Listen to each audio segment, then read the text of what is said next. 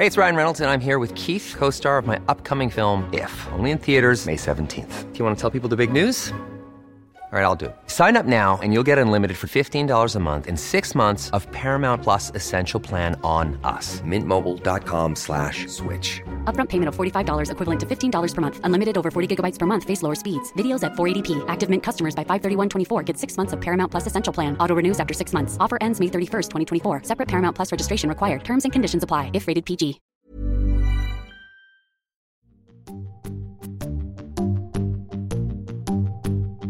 Men jag tror också att det finns en väldigt stark längtan efter något autentiskt eftersom vi lever i en samtid som är väldigt icke-autentisk på många sätt. Välkomna till ett nytt avsnitt av podcasten Cyril och Stig i otakt med samtiden. Podcasten produceras av Storyhood. Dagens gäst är Ann Heberlein, doktor i teologi och etik, debattör, författare, aktuell med självbiografiska romanen Fallet. Välkomna säger vi till Ann Heberlein, Ja. doktor i teologi Ja. och filosof kan man säga också. Du gjorde din postdoc på filosofen. ja, precis. Jag gjorde min postdoc på filosofen här i Stockholm. Ja. Och författare och idag politiker, moderatpolitiker. Nej, faktiskt inte. Jag är eh, politisk tjänsteman. Okej, så du är oberoende politiskt? Nej, det är jag inte. Jag är politisk tjänsteman som jobbar för Moderaterna. Men Ja. jag är inte politiker, det vill säga jag är inte folkvald. Nej. Utan jag är anställd av Moderaterna. Ja, okej. Så jag jobbar med Moderaterna i Region Skåne. Ja. Nu har du berättat om det här intervjuer och radioprogram och allting. Men kan du berätta 2016, du gjorde en artikel om eh, de här, eh, det var, vad ska man säga, det var folksamling i Köln där 390 eller vad det var, kvinnor anmälde att de blev lite antastade.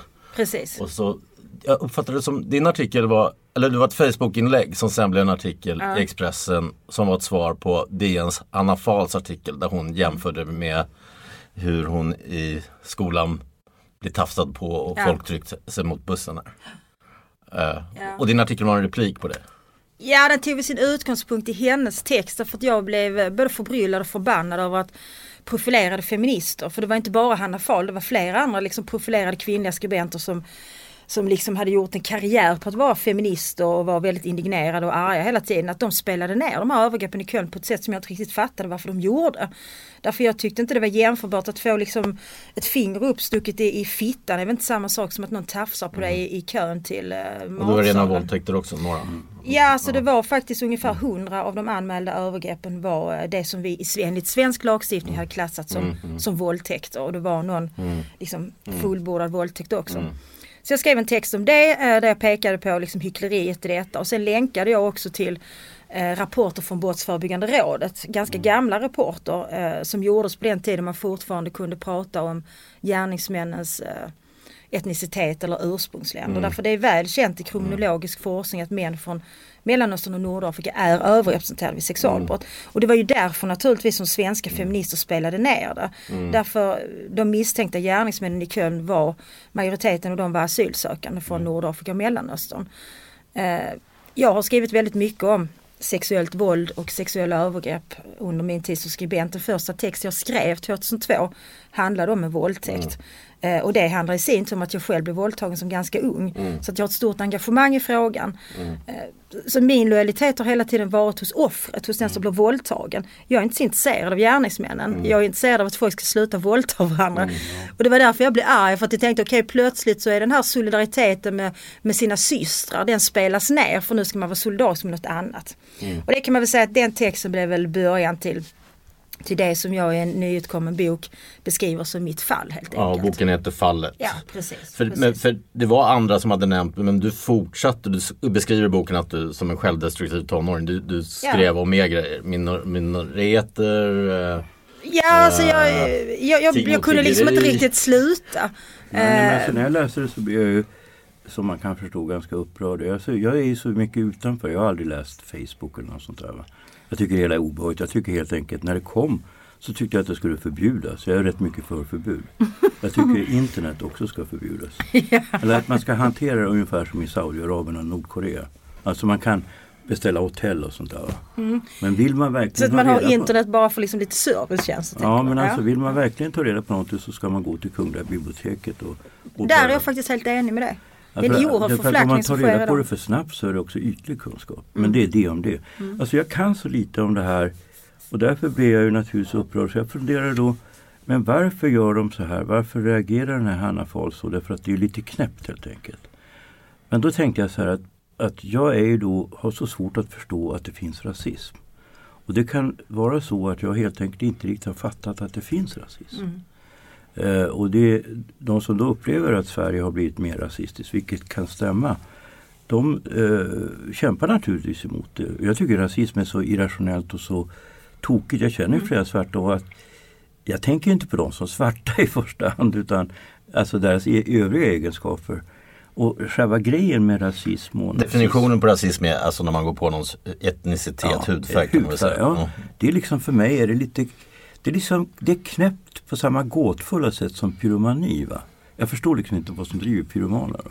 Och samma sak. Och det gör att jag blir liksom lite utanför det hela och jag vet att jag reagerade väldigt kraftigt när man då skrev om att det var vissa invandrar, folk med sig invandrarbakgrund som skrev då emot det här med REVA. Va? Mm, Alltså att det. man skulle då eh, bli, bli Vad var det kontrollerad. 2014 något sånt? eh, Ja, eh, och det var ju i, i den här, kan man säga, den stora flyktingvågen till Sverige 2015. Mm. Och man tänker sig den här, um, han som körde på folk på Drottninggatan. Han hade kanske blivit upptäckt om man gjorde de här kontrollerna. Det är ju inte så att människor som talar flytande svenska överhuvudtaget riskerar någonting om, om polisen kontrollerar dem. Alltså det är ju inte så att de eh, Tanken att de skulle bli trakasserade på det sättet, det är för mig nästan o, otänkbart. Mm. Och när jag frågar människor som då är från alltså, Nordafrika, svarta och så. Så de hade ju, eh, jag, jag frågade ungefär 25 personer. Och ingen hade upplevt, nej det är inte, inte i Stockholm, kanske i Malmö. Mm. Men alltså, och då upplevde jag det, jag skrev också om det för De DN. upplever för sig med arbetsansökningar och så. Ja, alltså, annan- men alltså det är en annan grej. Vad jag va? hör. Mm. Alltså det är inte så att du blir, att du blir stoppad av polisen och att om du inte tillhör ett kriminellt gäng och att du blir trakasserad och att du blir Alltså det, det, det, så, det var inte deras erfarenheter. Jag måste ju ändå utgå ifrån De stoppade nyligen en arabisk eh, advokat. exempel.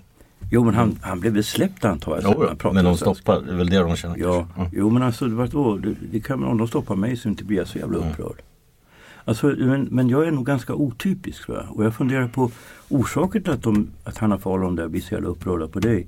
Det är att varje gång de ser någon som tar upp det här så då tänker de en rasist.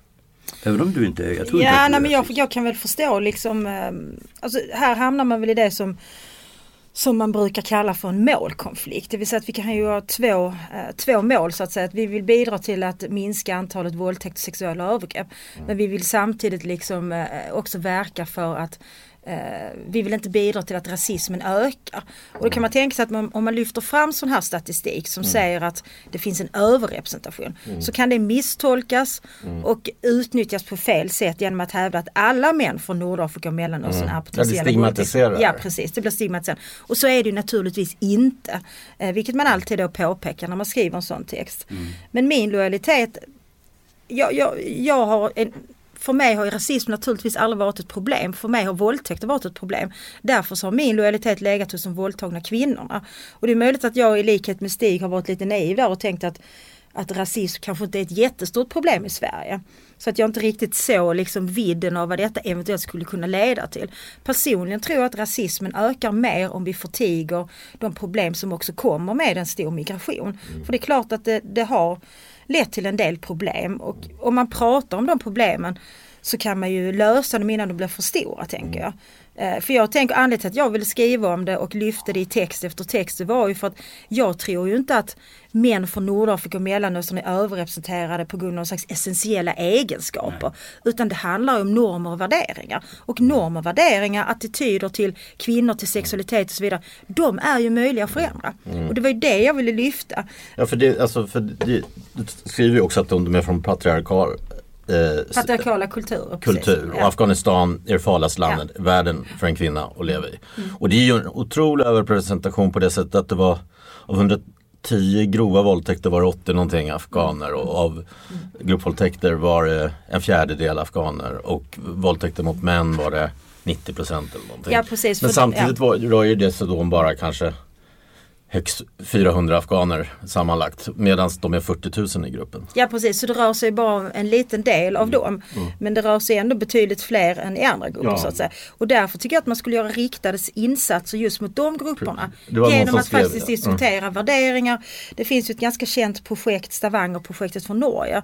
Där man såg en ökning i våldtäkter. Eh, En domare satte sig ner och gick igenom eh, domarna och såg att det var väldigt många eh, ganska nyanlända män som gjorde sig skyldiga till våldtäkterna. Och då startade de ett projekt som handlade om, om att utbilda de här nyanlända, både män och kvinnor, i norska värderingar. När det gäller lagstiftningen naturligtvis, men också när det gäller liksom Alltså relationen mellan män och kvinnor. För om vi tar Afghanistan som exempel så är det ju ett land och en kultur där män inte ser kvinnors hår. Alltså det enda de ser på kvinnan det är hennes ögon. Och det är klart att om man kommer till Sverige och plötsligt möts av kvinnor som är både urringade och har långt fladdrande hår och visar hud och ben och så vidare. Och den kvinnan dessutom som vi gör i Sverige ser det i ögonen. Så är det lätt att tolka det som en sexuell invit. Ja, Därför att i Afghanistan är det bara prostituerade som ser män i ögonen. Jag, jag jobbade ju framförallt på 90-talet under eh, kriget på Balkan med, på mitt första jobb efter universitetet på SFI med, med den flyktingvågen. Och att efter, det var fem år, 95 till 2000. Efter det har jag ibland ryckt in när jag behövt extra jobb eller något sånt där. Så jag har jobbat med kanske säkert 50 till 100 olika nationaliteter. Och det har varit som med svenskar, en av tio ett asshole. Liksom. Medans jag gjorde min, jag kan känna igen mig i din bok, hur du, när du förlorar alla jobb, vad ska jag nu? Och för mig var det då att jag hade missat tåget som statsvetare från den utbildningen. Men, och sen gick det inte, jag var aldrig depla, vad heter deplattformerad. Eh, men, men, jag hade, men jag vill också ha en större frihet att skriva vad jag ville, inte behöva rätta mig heller efter och för vem jag ville. Eh, Så då utbildade jag mig istället till socialpedagog och nu till terapeut. Eh, Och när jag gjorde min praktik på HVB hemma i Afghaner då var det ju Fem var verkligen drivna och ville in i samhället och sådär men Fem var det väldiga problem med, med narkotika eller får inte jag en iPad, jag göra kaos, slå sönder och, och sen också att det här var i Tyresö till exempel att de skamlöst gick på alla tjejer i området och ville bjuda ut. Och ibland var det någon som nappade. Och då kom de ju liksom, "Det- hon är en hora, hon drack en öl. Hon drack. Så jag fick ju hela tiden för, försöka förklara vår svenska syn och önska att de hade fått det liksom i Jo men då förstår du vad jag ska pratar om. in. Ja, Ja. precis. Att, för det, vore ju nästan lite egendomligt om, om deras uppfattning om kvinnor inte skulle skilja sig från vår. Ja man Om tycker det. och det tyckte jag var så intressant också att människor som jag förknippar med med vänstersidan som ju är väldigt noga med det här att patriarkala strukturer är väldigt skadliga. Att de har svårt att se att att någon som kommer från en väldigt tydligt patriarkal kultur, mycket mer patriarkal än svenska, som till exempel Afghanistan. Det är väl klart att de bär med sig de värderingarna. Jag tycker också att det är lite orättvist mot människor att inte berätta hur saker ligger till. Alltså man kan inte förvänta sig att människor omedelbart förstår vad svenska värderingar är eller vad den svenska umgänget mellan män och kvinnor hur det fungerar. Så fort man sätter sin fot på Ja, svensk men jord. jag tror att det som är orsaken, för att det är deras aggressivitet och deras ilska och deras vilja att skada människor som Mm. i, i ditt fall. Va? Den är så oproportionerlig och den, den, det är liksom, den är konstig. På samma sätt som jag tycker rasism är konstig tycker jag deras reaktioner är konstiga. Då måste jag fundera, vad beror det på? Mm. Och jag tror att det mest beror på att de känner i grund och botten att det viktigaste för dem det är att framstå som antirasist, som alltså en människa med goda värderingar.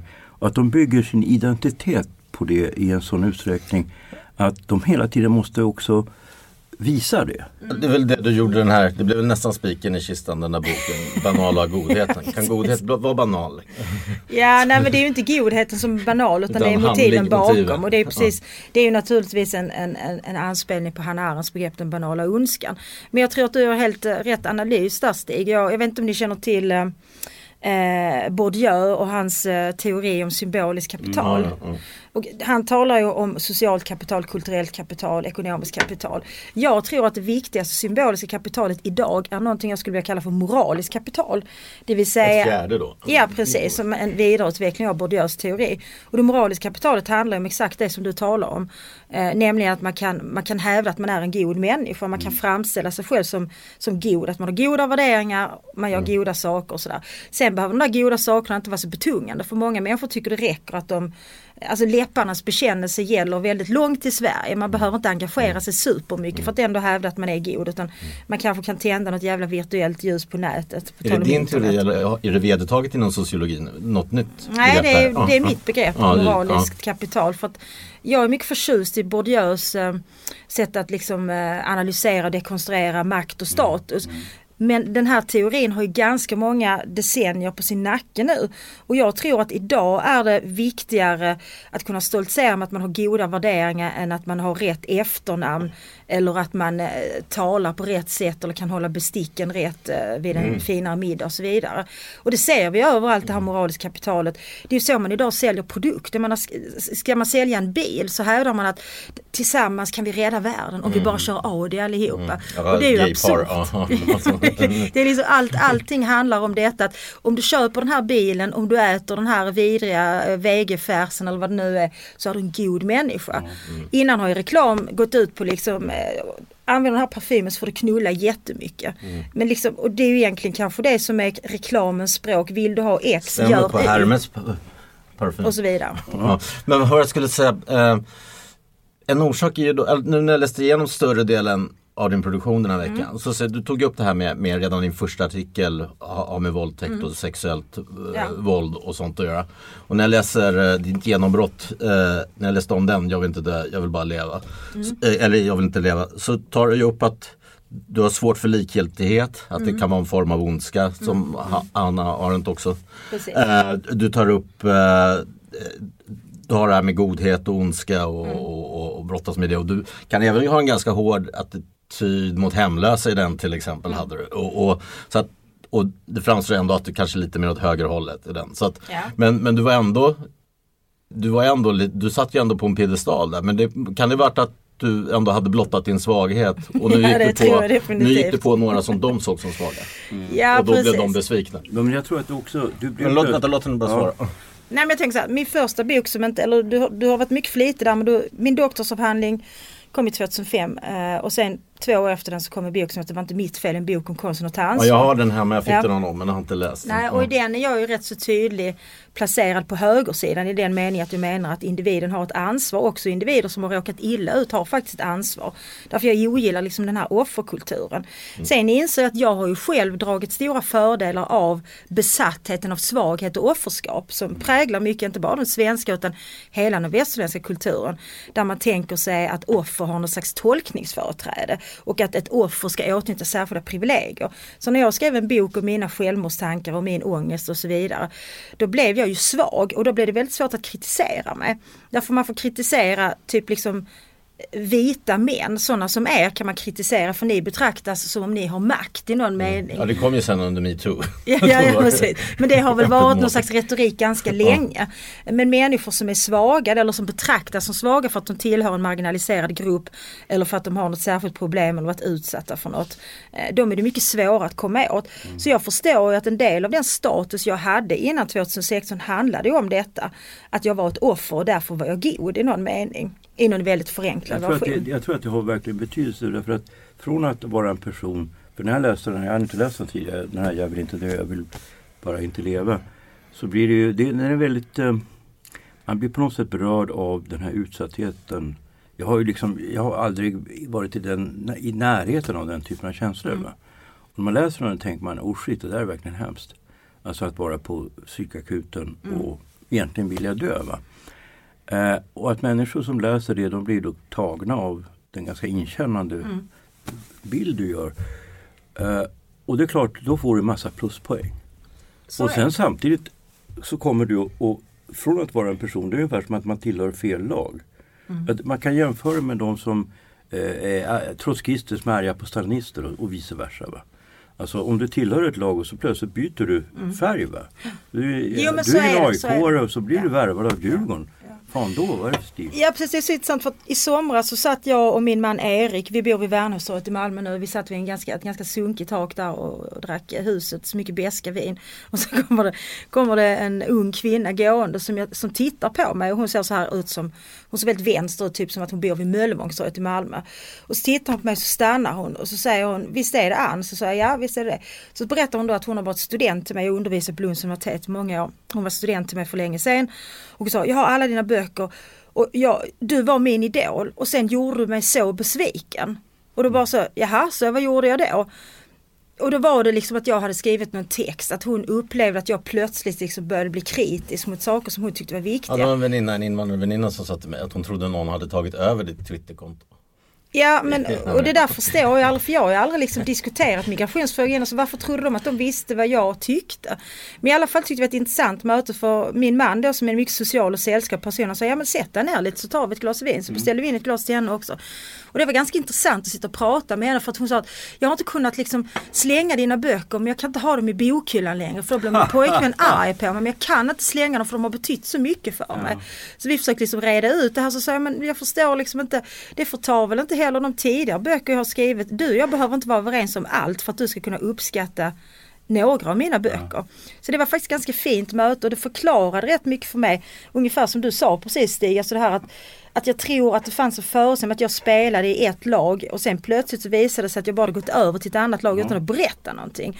Och att många människor verkade ha liksom en betydligt mer personlig relation till mig än vad jag hade till dem naturligtvis. Eh, och därför kände de sig svikna på något slags personligt plan. För att jag plötsligt sa saker som de inte Man vill gillade. äga sin idol. Typ. Men jag tror Ja. att det, alltså, det finns, man måste försöka gå lite djupare och tänka Alltså deras aggressivitet och deras hysteriska eh, ilska är ändå fortfarande konstig. Och jag tror alltså, att det, bakom det ligger en oro hos dem.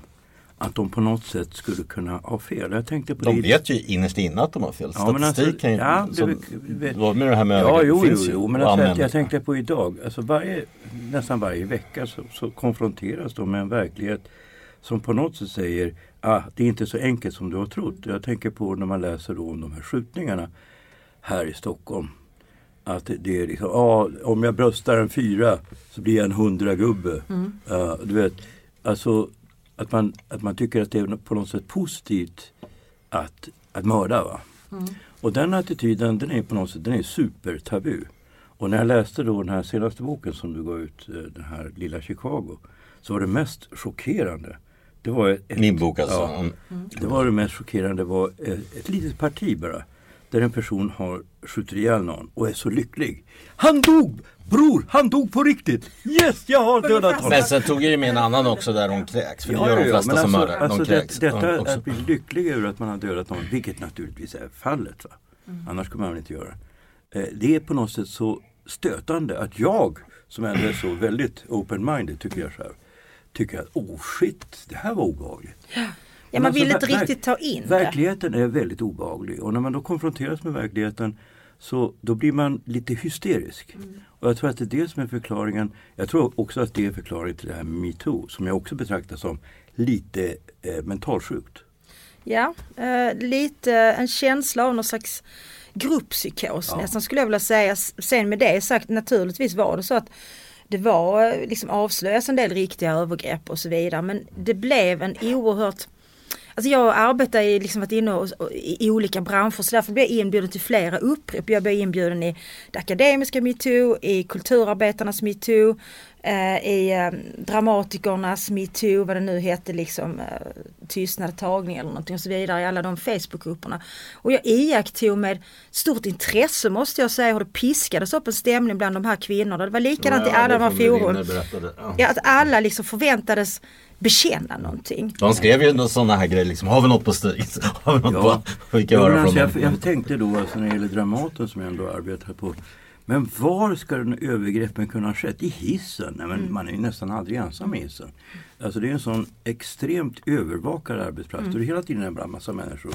Och där, det är ju inte heller våp som är de här kvinnorna. Det är ju rätt tuffa kvinnor som är skådisar. Nej, alltså någonstans har man ju... liksom, om, om någon skulle Ja. ta dem på stjärten skulle de säga att vad fan sysslar du med? Ja. Och jag tänkte, har det någon gång skett? Nej, kanske har det aldrig skett. Jag tror jag jag. Kanske när de var unga och sådär. Man, Men alltså när och hur? Kanske det aldrig har skett. Sen när man blir gammal är det ingen som vill Jo ta men man har ju en på hört det just från skådespelerskor ändå. Många framstående regissörer ändå har. Ja. har. Jo men alltså det är väl klart att det här handlar ju om makt på olika sätt. För det är klart att om man är en ung skådespelerska eller när jag var ung så var jag ju, jobbade jag i akademin och är man ung doktorand så det är klart liksom att jag har varit på konferenser där någon äldre professor har velat diskutera min forskning väldigt sent på kvällen över en flaska vin inne på hans rum. Men då har jag ju sagt att men vi kan prata om det imorgon vid kaffet istället. Om jag nu inte har varit, haft ett amoröst intresse av den här äldre professorn, vilket jag ju sällan har haft eh, i just de sammanhangen. Så, så, så jag menar, det är klart att det här, det här finns ju.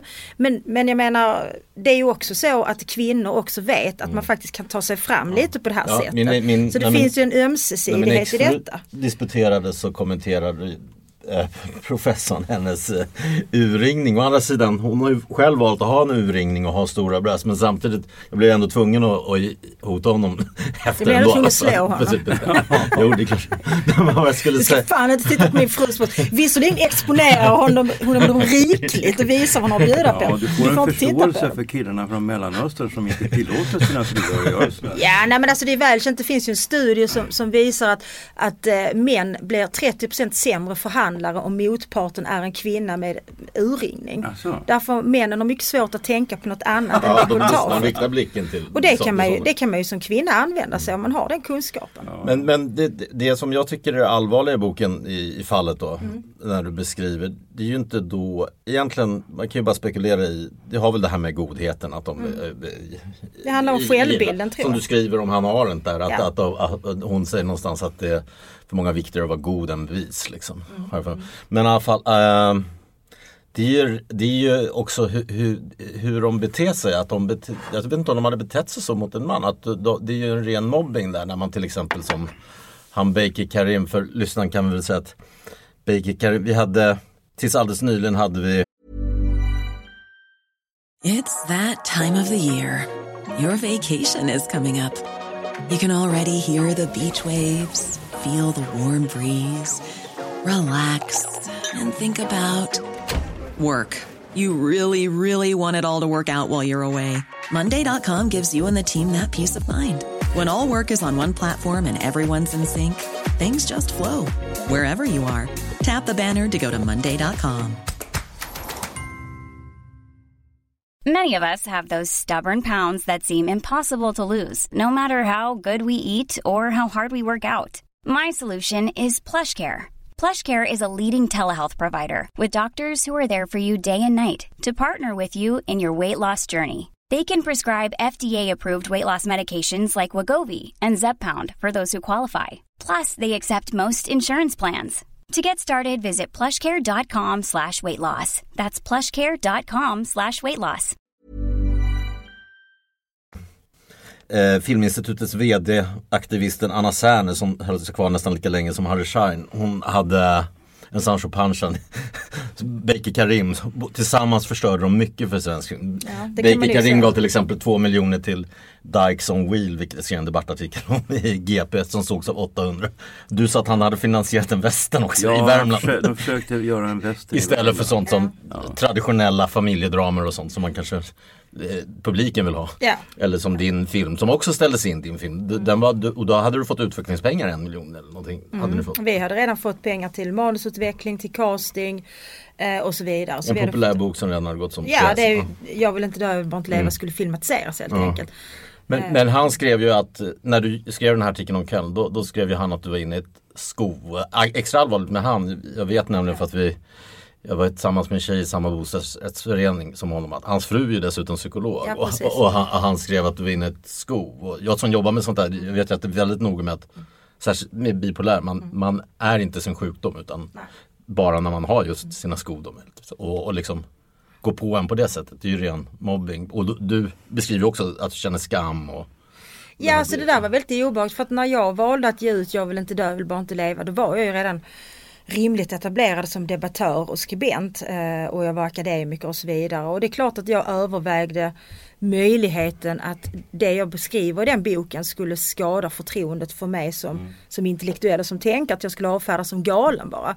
Det hände faktiskt inte när boken kom utan det var aldrig någon som använde det mot mig, inte ens liksom mm. människor som ogillade mina åsikter. Men efter att Karim skrev detta om att hon är, ett, hon, hon är ett maniskt skov och hon borde tvångsmedicineras och så vidare. Då var det liksom som om om fördämningarna bara brast. För efter det var det helt tillåtet att prata om min psykiska hälsa i alla möjliga sammanhang. Och det var rätt liksom förödande att läsa så mycket om sig själv att hon är galen och hon är väl psykiskt sjuk nu och någon borde hindra henne, hon borde tvångsomhändertas och så vidare. Eh, det var ju liksom ett sätt att totalt att förinta mig på något vis som rationell och förnuftig varelse. Och det, det var mycket obehagligt måste jag säga att bli utsatt för det. För det, det pågick ju i ganska många år. Mm. Eh, faktiskt var det senast förra veckan som någon, någon skrev det på någon status när någon hade delat någonting om min senaste bok. Att eh, ja men hon är psykiskt sjuk. Mm. Och det blir, ja jag har en diagnos. Säg vem som inte har en diagnos nu för tiden. Ja, jag har ingen diagnos. Jo, Asperger. det är bara för att de inte har blivit tillräckligt utredd. jag har inte Asperger. Nej, men jag tycker att det är väldigt upprörande det här med, alltså jag ifrågasätter inte din diagnos men jag tycker det är hemskt att, alltså just när det gäller monodepressivitet, det man kallar för bipolär mm. nu. Jag, jag, jag jobbat på psyket när jag var ung. Mm. Och jag vet ju då att de som var manodepressiva det såg man på en gång. Okej, okay, mm. han är manodepressiv. Mm. Sen fanns det de som var eh, alltså de som hade schizofreni och hade mm. psykoser. Mm. Det märkte man också. Okej, okay, han är sjuk. Sen fanns det en del som var så här halv, alltså man märkte inte på dem om de var sjuka. Typ en pyroman. Va? Men alltså just de som var manodepressiva var det så alldeles uppenbart att de var sjuka. Och jag har lärt känna då sen framförallt en kille som var verkligen svårt manodepressiv. Och eh, han sa ju det till mig för att när du blir äldre så tonar det där ner. Ja. Och han eh, ville då, alltså det är besvärligt att ta det här litium, man blir trött och så här av det. Mm. Och han hade lagt av med det där men sa till, han sa till mig, du måste säga till mig på en gång du märker minsta spår av det. Mm. Och då märkte jag när han, han satt och snackade med några på en, på en bänk utanför ICA. Så sa Bosse, kom jag ska snacka med dig. Mm. Så du måste gå hem på en gång och ta litium. Nu, nu har du fått det. Va? För det skov som kommer efter det va, är så jävla obehagligt. Va? Det vill han inte vara med om. Och mina erfarenheter av då den här killen Bosse som är så tydlig att man ser det på en gång. Shit. För att, och jag tycker också de som utnyttjar hans situation när han var manisk, mm. de blir jag väldigt upprörd på. Mm. Alltså ekonomiskt och så. Ja, ja. Eh, och sen så märker jag då massa andra människor jag känner anser också att de är bipolära. Mm. Fast alltså i mina ögon så är de ju inte det. Nej, alltså bipolaritet har väl också blivit något av en av en, en modediagnos kan man mm, säga. Mm, mm. Jag tror att andelen... Men sen är det ju många konstnärer som har bipolär 2 framförallt. Ja, men jag, jag har själv haft maniska skov. Andelen äh, individer i en population med bipolära symptom tror jag är tämligen konstant över tid. Mm. Men vi ser att diagnostiseringen har ökat kraftigt i Sverige de senaste 10-15 åren. Mm. Eftersom, och, och, så är det allting som får uppmärksamhet i media. Om det är borderline, bipolaritet eller olika typer av depressioner så ökar plötsligt diagnostiseringen. Ja, då, då känner ja, folk men igen sig. Alltså, framförallt när man ger barn amfetamin. Eh, ja, det jag vet ju inte om det kanske hjälper men jag tycker det verkar otäckt. Mm. Och när jag växte upp så fanns det ju inga som hade ADHD och sånt där. Nej. Det fanns de som var busiga och då hade man tack och lov möjlighet att ge dem en, en örfil. Men, men det, skulle, låter precis som min man. Men det jag skulle säga, med, med, tillbaka till boken, det, just det där när du beskriver som en destruktiv tonåring att du går på alla frågor utom mm. vargfrågan i princip mm. som är och klimatet som är känsliga. Mm. Mm. Uh, ser vissa likheter med dig Stig, du hade ju ditt 90-tal när du, när du också eh, när eh, ja, dels blev du utfryst men SvD, Svenska Dagbladet till exempel, de de gjorde ju hela tiden karaktärsmord och sågningar. Ja. Men du gjorde det ju inte bättre när du kommenterade en bok, chef, kulturchefens dotters utseende. Ja. I en annan dikt så, så torterade du en eh, recensent. Liam, Liam Norberg berättade att det var en av de populäraste diktsamlingarna på fängelset. Ja, på, jag på, på Hall va? Det gick som Sami Stass. De tyckte att det var det absolut bästa hämnden. jag känner mig ganska stolt över det. Nej men alltså naturligtvis, men alltså när det gäller dikter så är det inte min sak att göra en bedömning av det. Alltså om, om en dikt blir bättre av att jag skriver en grej. Mm. Ja men det är ju kulturernas problem att de skilj, kan inte skilja på person och verk också. Ja, Nej det kan de inte. Hur, hur de för jag måste ju göra den då bra. Och då får jag, jag visste naturligtvis att jag får stå att jag får naturligtvis äta mm. upp det här. Jag är inte dum i huvudet på något sätt. Eh, och, och, men alltså det, det var jag ändå beredd att göra. Och jag tyckte väl konstigt nog så, det kanske är värre nu än vad det var då. För redan då så var jag ju då, kan man säga, förföljd verkligen av alla tidningar. Eh, och och det, där, det gjorde att jag blev ganska van och även just hoten. Första gången jag blev hotad det var nazister. Va? Mm. Och då så tog jag ju det, var jag tvungen att ta det på allvar för de gick ju ibland från hot till handling. Sköt ju en kille då. precis. Så då kunde ju inte jag ha min katt hemma utan jag var tvungen att ha honom hos kattvakten. Mm. För att om de stoppar ner brandbomber och så så brinner han ju upp. Ja. Och, så jag hade borta honom en månad men jag tänkte jag kan väl själv hoppa ut genom fönstret. Det är i och för sig tre våningar men jag överlever. Ja, det var ändå en positiv inställning till det hela. Ja men vad ska jag göra? Jag kan Nej, inte... nej, nej. Vad ska man ta sig till? Nej, det är, det är mycket obehagligt att leva med den sortens hot. Eh, Jag har väl också blivit hotad från olika eh, håll eh, under ganska många år. Kan Mm. man säga. Det, som jag tänkte också på ibland när jag funderar på med, jag ser lite likheter med, med dig och Marcus Birro. Och min teori, nu vet jag inte om det stämmer med dig, min teori på Marcus var ju det här, för jag fattar inte att ni när ni går över till de här alternativmedierna, ny, ny Dag och, och allt vad de heter och ledarsidorna. eh, Ny dag är väl en... Ja, men jag vet, ja det visste jag. Jo, men den skrev i och för sig Marcus för också. Den är kristen. Den, den var bara lite Ja, klädsamt det. antimuslimsk. Vad heter den andra? men, men, ja, men alla de här alternativsidorna i alla fall. Det är ju inte särskilt mycket pengar. Eh, så eh, varför inte bara ta ett vanligt jobb istället för att skriva för dem? Eller, eller är det för, som min teori var med Marcus, att han behöver inte vara narcissistisk som person men, men han kanske har byggt upp när han blev så hyllad för sina kröniker och allt. Eh, att han, när ingen annan lyssnar på en, då går man till och med dit. Det var i alla fall till exempel Jonas Inde som var min vän, för där gick gränsen när han blev nazist. Liksom. Jo, där är jag övertygad jag att gjorde så var det för Jonas. reflektion eh, med Jonas. Nej, jag tror inte riktigt den analysen håller och jag kan inte tala för Marcus. Eh, vi har faktiskt haft en del kontakter de här åren för jag tror att Marcus Birro och jag kan ju förstå varandra för att det vi har varit med om är en ganska unik upplevelse kan man väl säga.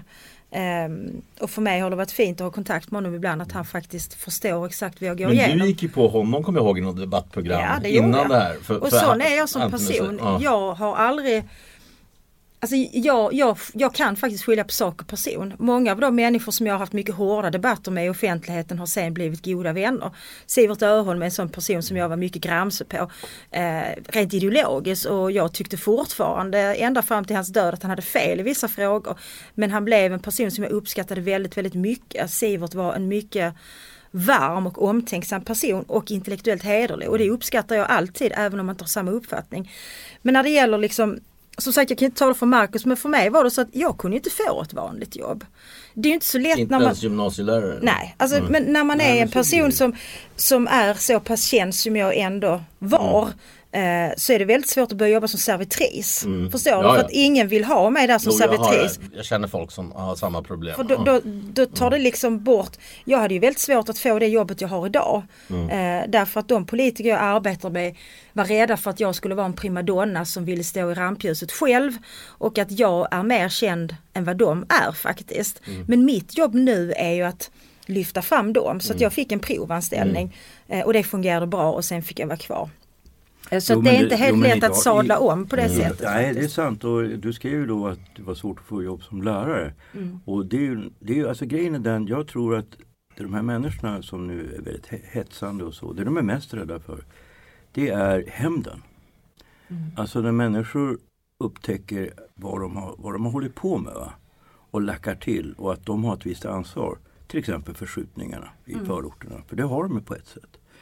Och de har det mot sin egen vilja för de är inte ansvariga. Det vore det ju fel att kalla dem det. Men, men det går ju Ja, det var ju att- inte detta som var intentionen Nej, så att säga. Det var inte deras intention och deras intention var god. Mm. De flesta människors intention är ju Nej god. men jag tror inte att det, att det bara handlar om, och som med Hanna Arendt tror jag inte heller på hennes teori med, med Eichmann där. Jag intervjuade ju han som plockade Eichmann, före detta Mossad-chefen för Sydsvenskan. En av mina bästa intervjuer tror jag. Eh, han sa ju det att Eichmann, han satt ju och förhörde honom i Buenos Aires innan planet kom i fyra dygn. Han sa ju att han, han pressade honom också. Han sa ju bara, jag löd bara order och sådär. Men han visste ju precis vad han gjorde. Han hade varit i Egypten med Muslimska brödraskapet, kartlagt judarna hur de är, studerat hebreiska. Du skriver Hanna Arendt där till exempel med, med han var med Heidrich där och förde protokoll och sådär. Så att jag tror han visste precis vad han gjorde, löd inte bara ord. Och även det här med Och samma sak med banal godhet. Mm. Min, min teori jag skrev på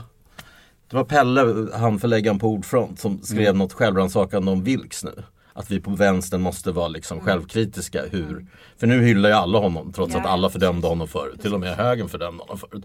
Eh, men eh, som jag skrev där, jag tror, att det, jag tror att rädslan hos vänstern, rädslan för just muslimska fundamentalister, eller rädsla överlag är en stark drivkraft. Och hos vänstern var det rädslan för fundamentalistiska muslimer. Sen kan man ha rädsla, sen kan ju rädslan också göra som att man gör som du skrev artikeln.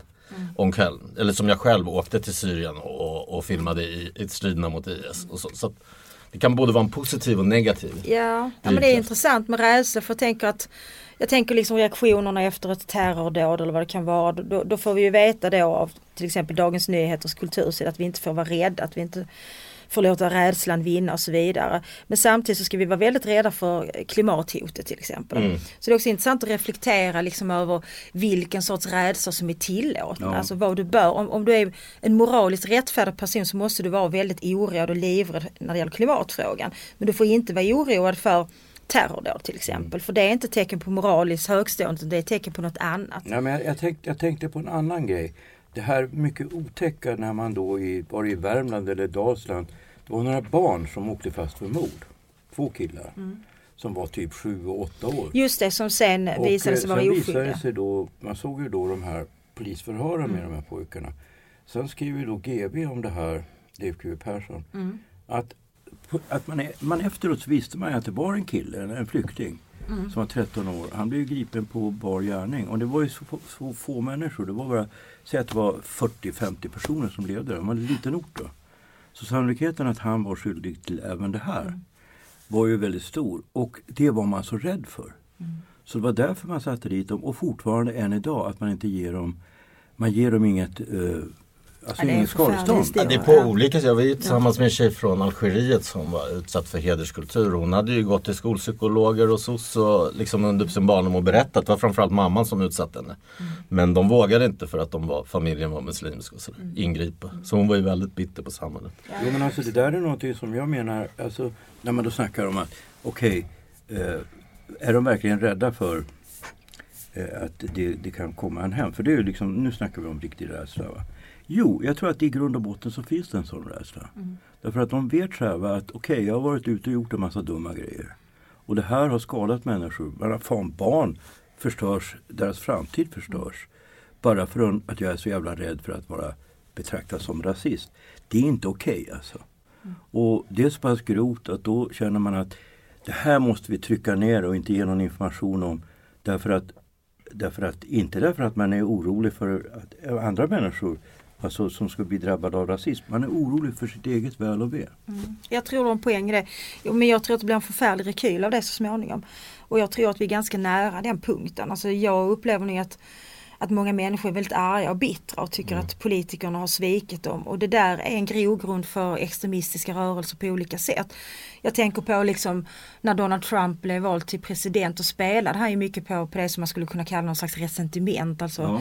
det är liksom den här bitterheten mot ett tänkt etablissemang som, som både beskriver verkligheten och som formulerar både frågor, svar och lösningar. Där människor inte känner igen sin egen verklighet. Och den Alltså vad ska vi säga, den diskrepansen har vi ju sett i Sverige också mellan människors egna upplevelser av verkligheten och som verkligheten beskrivs i dagspress och i public service. Och det där tror jag är livsfarligt. Därför det gör att människor drivs till sådana ställen som Sveb-TV och allt vad de heter där de får en väldigt vinklad bild av verkligheten. Sen kan jag väl tycka att bilden av verkligheten är något vinklad i public service också. Men jag menar att vi måste ju ha hela bredden. Min amerikanska eh, översättare berättade nyss, han, var, han, var, han kommer från Boston. Ja, Han hade varit nu, han bor i Europa men hade varit i USA nu för första gången på länge. Han sa att det var som natt och dag, landet är helt kluvet. Att i Boston och Washington där han var, där var det Black Lives Matter även bland vita och sådär liksom. Medans överallt annat, på andra ställen han var, på land, särskilt landsbygd och så var det Ja. Trump, Trump, Trump. Ja. Helt. Ja, det är en väldigt farlig situation. Ja, den är, den är, alltså all form av polarisering Ja. är i sig dålig. Ja. Eh, därför att det, det resulterar i helt enkelt omoraliska handlingar. Så är det. Vad jag skulle säga? Om vi skulle, kunde återknyta lite till det här med cancelkulturen som fenomen. Vad, hur, vad är det som händer idag egentligen? Liksom, varför har det blivit så stort idag det här fenomenet? Har det med internet att göra bara? Eller? Ja, jag tror, att det, Sociala det, jag tror att det här med att, att, att det överhuvudtaget går att, att göra eh, när det är 300 000 följare plus hoppa på en annan person. Va? Mm. Det har ju även vi blivit Ja, utsatta för. ja du, jag Skäringer de där gick ju på Cissi Ja. Wallin dig för ett, Ja. ett citat du hade gjort för tio år sedan. Ja, När du kanske haft en dålig dag. Liksom. Nej, jag, jag, jag står för alla mina citat. Jag hade en bra dag. Ja, jag har, inte alls, jag, jag har aldrig haft en dålig dag. Det är ju underbart. Nej, men jag tror också att sociala medier spelar en stor roll för det är väldigt lätt att liksom samla ihop en mobb på sociala medier.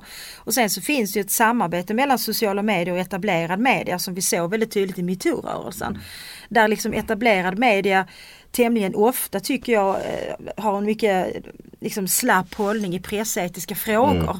Jag tycker vi såg det senast faktiskt nu med eh, den här branden i Göteborg där man utan att tveka publicerade både namn och bild på personen som var misstänkt. Alltså notera att han bara var misstänkt. Jaha, Ehm. vad var det för brand? Det var en, en, en brand i ett hyreshus var det väl? i Ett, Ja, just det. det. Mm. ja, det var, och det var en förfärlig händelse och så vidare. Och först var det spekulationer kring att det kunde vara liksom något gängrelaterat. Sen visade det sig vara en, en man som av allt att döma hade stora psykiska problem som var väldigt fäst vid sin mamma och som inte fick besöka henne under coronapandemin och då tycks han ha tappat greppet. Han hittades sedan död. Han, han tog livet av sig. Ja. Eh, och det där tycker jag att pressen gick helt fel måste jag säga.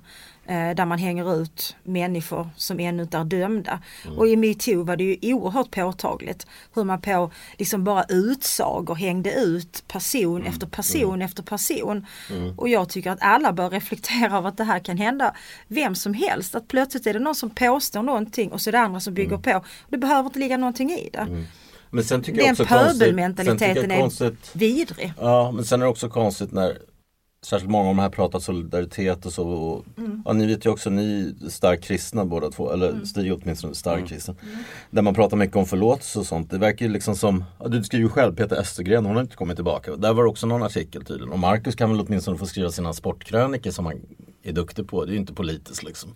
Nej, Till exempel, nu att man skriver inte han ju biografier och så, så jag tror att Marcus har det ganska bra nu faktiskt. Mhm. Men man blir ju aldrig riktigt förlåten för man har, nu har jag ju fått väldigt mycket eh, publicitet och uppmärksamhet för den här boken då, fallet som, som beskriver de åren. Och det har faktiskt varit mestadels positivt Precis. måste jag säga. Mm. Men jag kommer ju aldrig få tillbaka den position jag hade innan.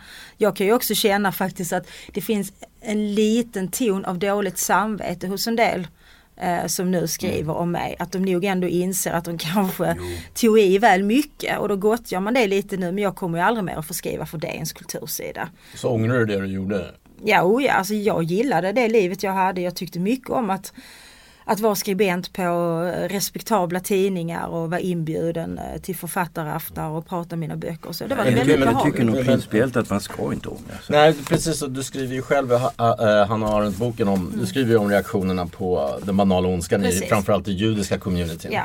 Eh, hur hon rörde om och blev paria där ett tag. Men med idag är hon ju liksom, Hon fick ju upprättelse så småningom får man väl Ja, säga. Eh, Det kom, men det tog ett par år. ibland är man ju före sin tid och det kan ju också störa folk. ja, särskilt med eh, provokationer Det är väl en svårighet i det. Det är snarare, snarare provokationer som hyllas på kultursidorna brukar inte överleva. Om, vi- tar konsten Men det är ju liksom väldigt, parkbänk eh, eller något. Väldigt liksom, vad ska vi säga, det är rätt sorts provokationer. Det är samma liksom, det, det är, man, ska, man ska bryta mot normer på rätt sätt. Eh, jag diskuterade med min... Mm. Ja, du skrev där lite Deleva Bob Hansson. Jo men precis. Och jag, senast igår så pratade jag med min väninna Anna-Karin Wyndham om det. Anna-Karin hon skrev genusdoktrinen med Ivar Arpi har ett mycket kvinnligt utseende. Eh, vi har en podd tillsammans som heter Söndagsskolan. Och då pratar vi om alltså, synen på, på fåfänga. Och där hon har fått, hon har fått en fråga på fullt allvar från en journalist. Har någon tvingat dig att se ut så här? För hon ser ut som en, en mycket sassy hemmafru från 50-talet. Och då tror den här journalisten, och det är ju ett normbrott mot hur vi ska se ut idag. Alltså de flesta svenska kvinnor klär sig mycket tråkigt tycker jag. De går med sina platta skor som säkert är väldigt bekväma men som är väldigt fula. Och de Ja, har inte... kulturkvinnor har de här tälten, mon- Ja precis. och... Det är liksom det är som någon slags jävla liksom, kulturburka för människor. Ingenting ska synas och så vidare.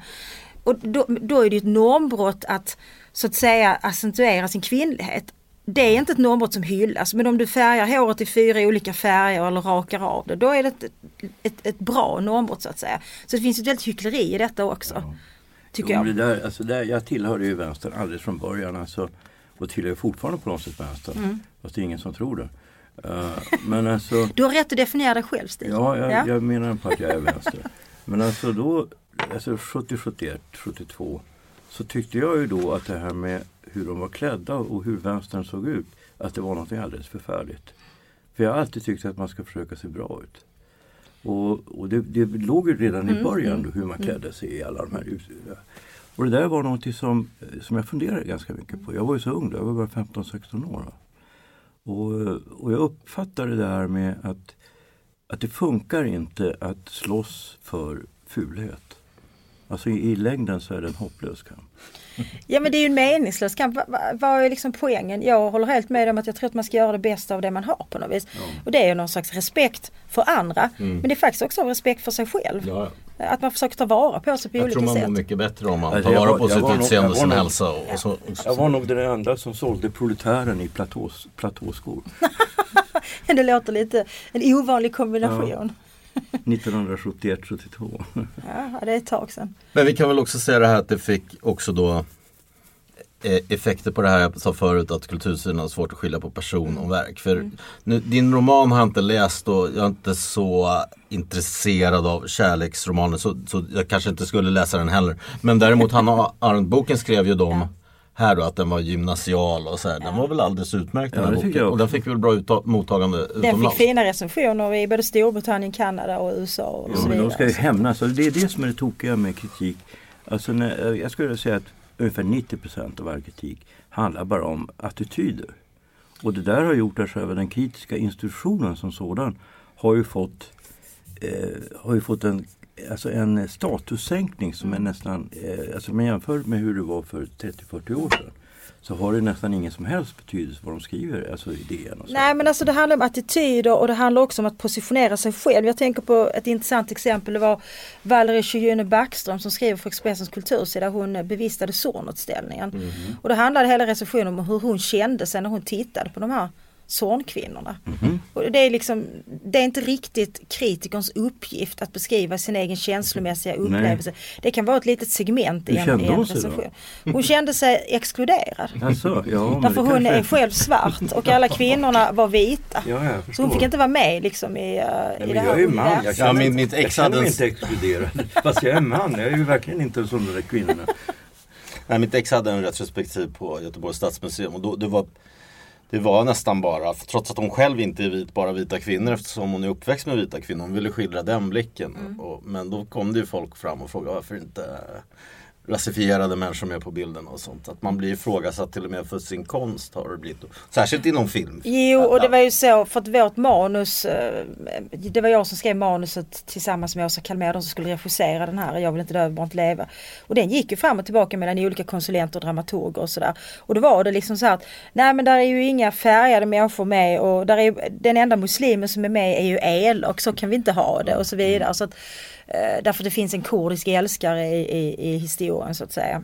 Eh, så det där blir väldigt märkligt när man måste skriva om med hänvisning till någon slags tänkt mångfald eller någon slags kvotering av vilka skådespelare som ska vara med. Alltså det, det hämmar ju den liksom kreativa processen får man väl ändå säga. Jag undrar om det här inte är ännu värre i USA? Det tror jag. Ja, jag vet inte, jag vet ju själv bara alla liksom vänner i film och sådär och när man själv är in, inblandad i projekt att man pratar alltid liksom om det är ett vanligt kärleksdrama eller något sånt. Är det ett gangsterdrama, absolut, då är det hända alla invandrare. Men då blir de sura för det, att man blir rasist. Ja, ja precis, då är det stereotypt och så vidare. Så det är väldigt svårt att, att navigera i det kan man väl säga. Jo, låt oss hoppas att det där till slut jag vet Horace hade skrivit, det är någon, här, någon av hans aforismer. Han tittar ner i en espressokopp. Och på det här liksom. Och sen, eh, allt avskyvärt försvinner till slut. Det är någonting sånt. Det är mycket bättre formulerat än vad jag säger nu. Alltså jag tror att allting som är riktigt, riktigt dumt. Jag tänkte på nazismen. Nazismen är så knäppt så att om Hitler hade vunnit kriget så tror jag ändå inte att det hade funkat. Mm. Det är för knäppt, det är för dumt. Det finns någon form av kan man säga, alltså jag tror att Hegel hade en liten poäng i det här med att världshandeln, att det växer, att det finns någon form av förnuft. Och jag tror att, att det som är riktigt dumt, det kommer att försvinna. I Europa har det ju varit så, men det har ju kvar Nordkorea och sen andra Saudi. Nu ska vi inte döma Nordkorea för hårt. Utan Inte det. det, vi får en ganska enkelriktad information om Nordkorea. Ja men det är väl en intressant teori att allt som är, är, allt som är för dumt kommer att försvinna. Jag, jag, jag tänker ibland att vi befinner oss i en väldigt barock tid på något vis. Med liksom överdrifter, stora känsliga, känslomässiga utspel.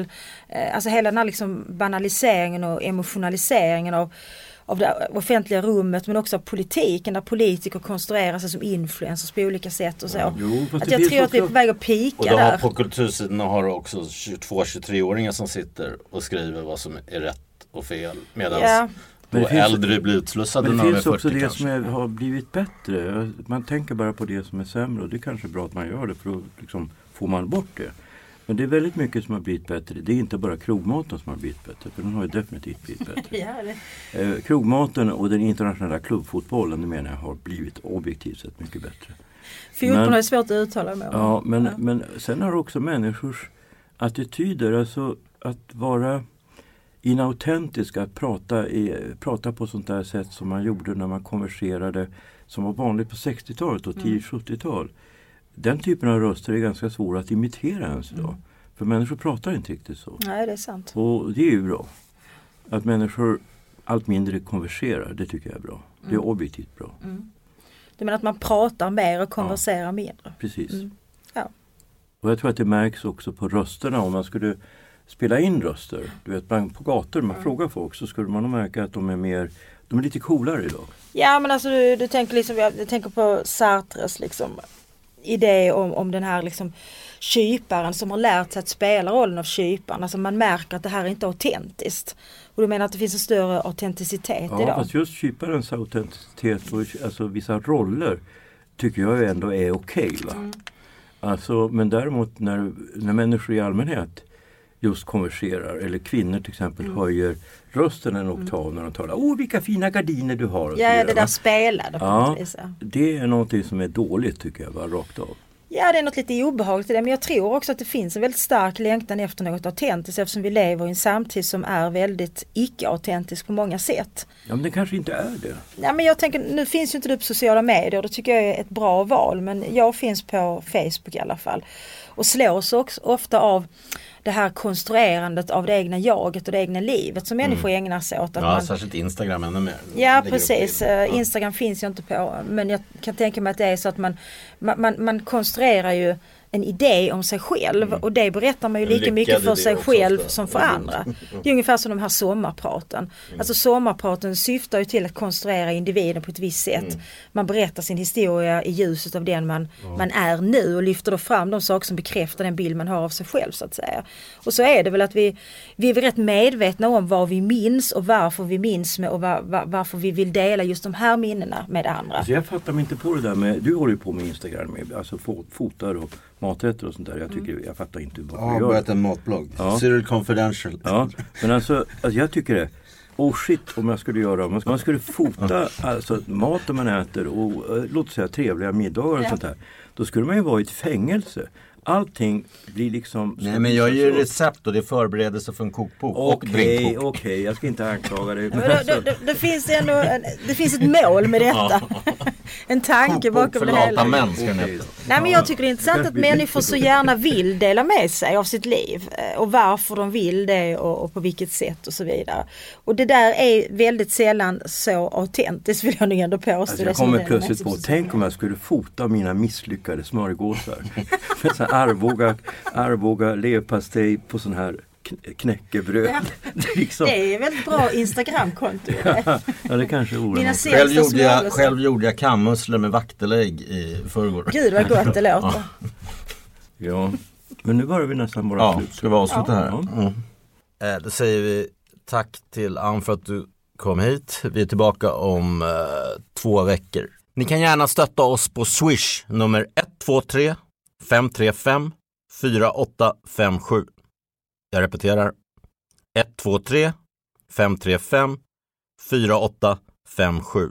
Ni kan också mejla oss på cyril med synpunkter och förslag på gäster. Och om ni är intresserade av att gå vår skrivarkurs som ser ut att gå av stapeln i mitten av januari. Ja, och jag måste ju påpeka, jag får ju inte röka nu så jag har kanske blivit lite sämre.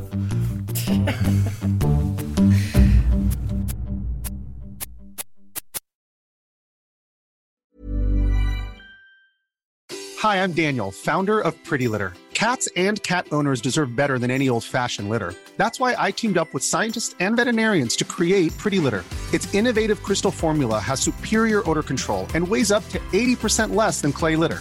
Pretty Litter even monitors health by changing colors to help detect early signs of potential illness. It's the world's smartest kitty litter.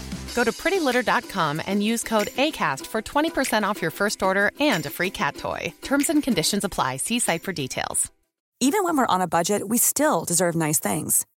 Quince is a place to scoop up stunning high end goods for 50 to 80% less than similar brands.